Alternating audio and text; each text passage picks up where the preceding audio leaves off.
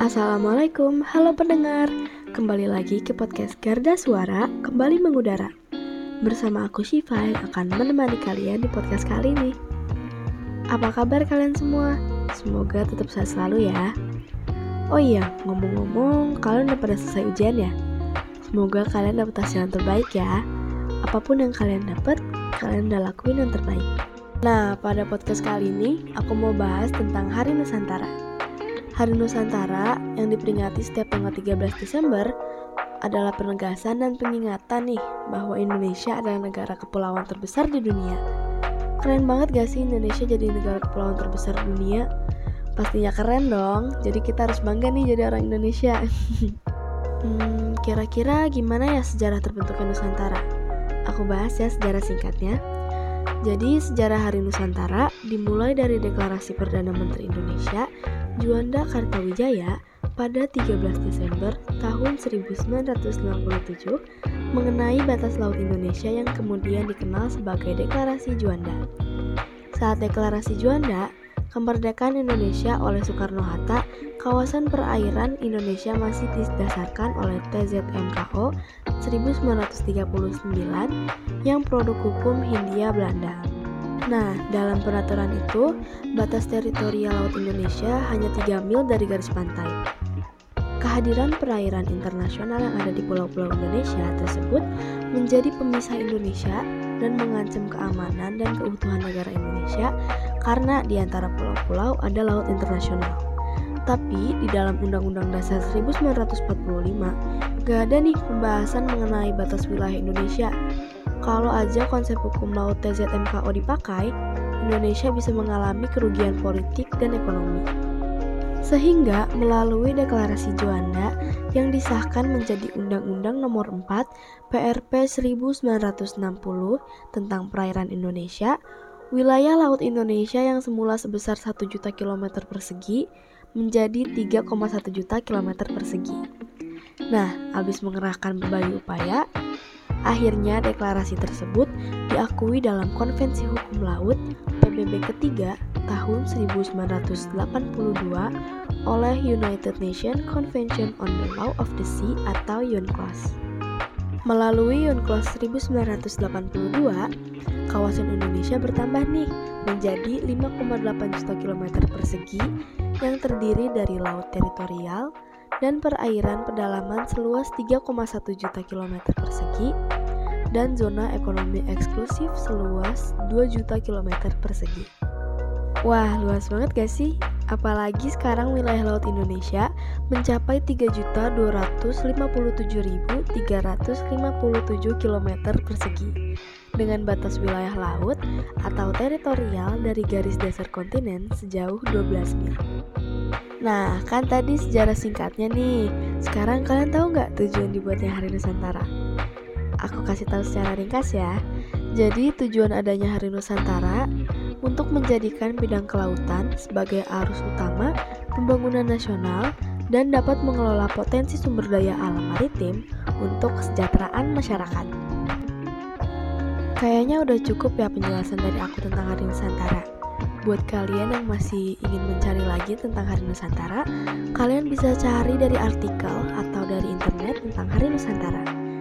Semoga apa yang aku jelasin ke kalian bisa bermanfaat buat kalian para pendengar Garda Suara. Selamat Hari Nusantara 2022. Semoga negara Indonesia menjadi negara yang maju, kepulauan Indonesia tetap terjaga dan indah.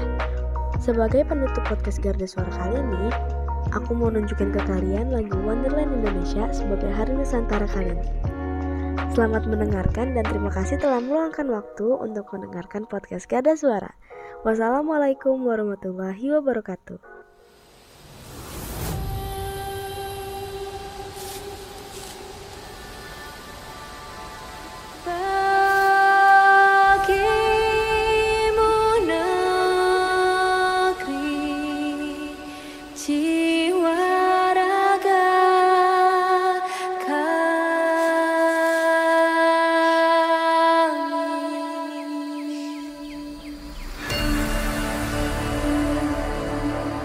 Indonesia is the most beautiful land in the universe. The land where we were born.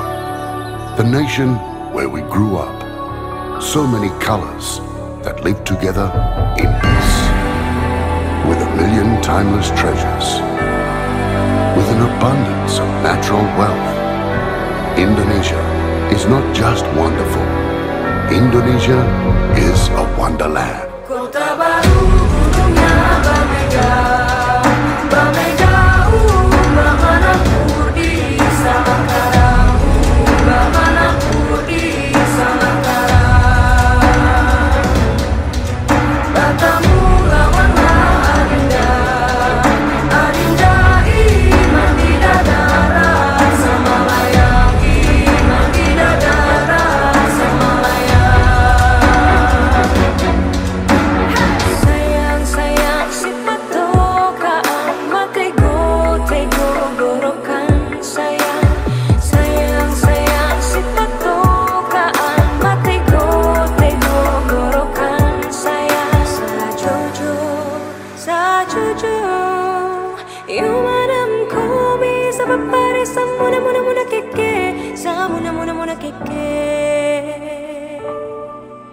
Soleram, soleram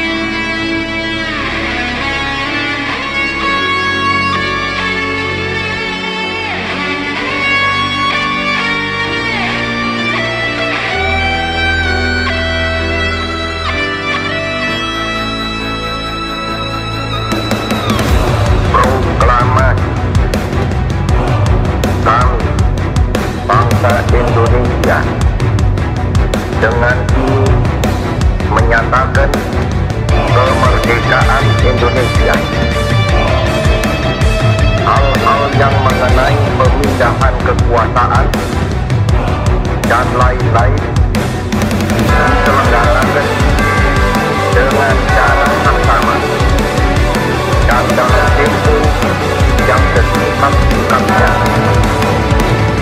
Jakarta, 17 Agustus 1945 atas nama bangsa Indonesia Soekarno Hatta.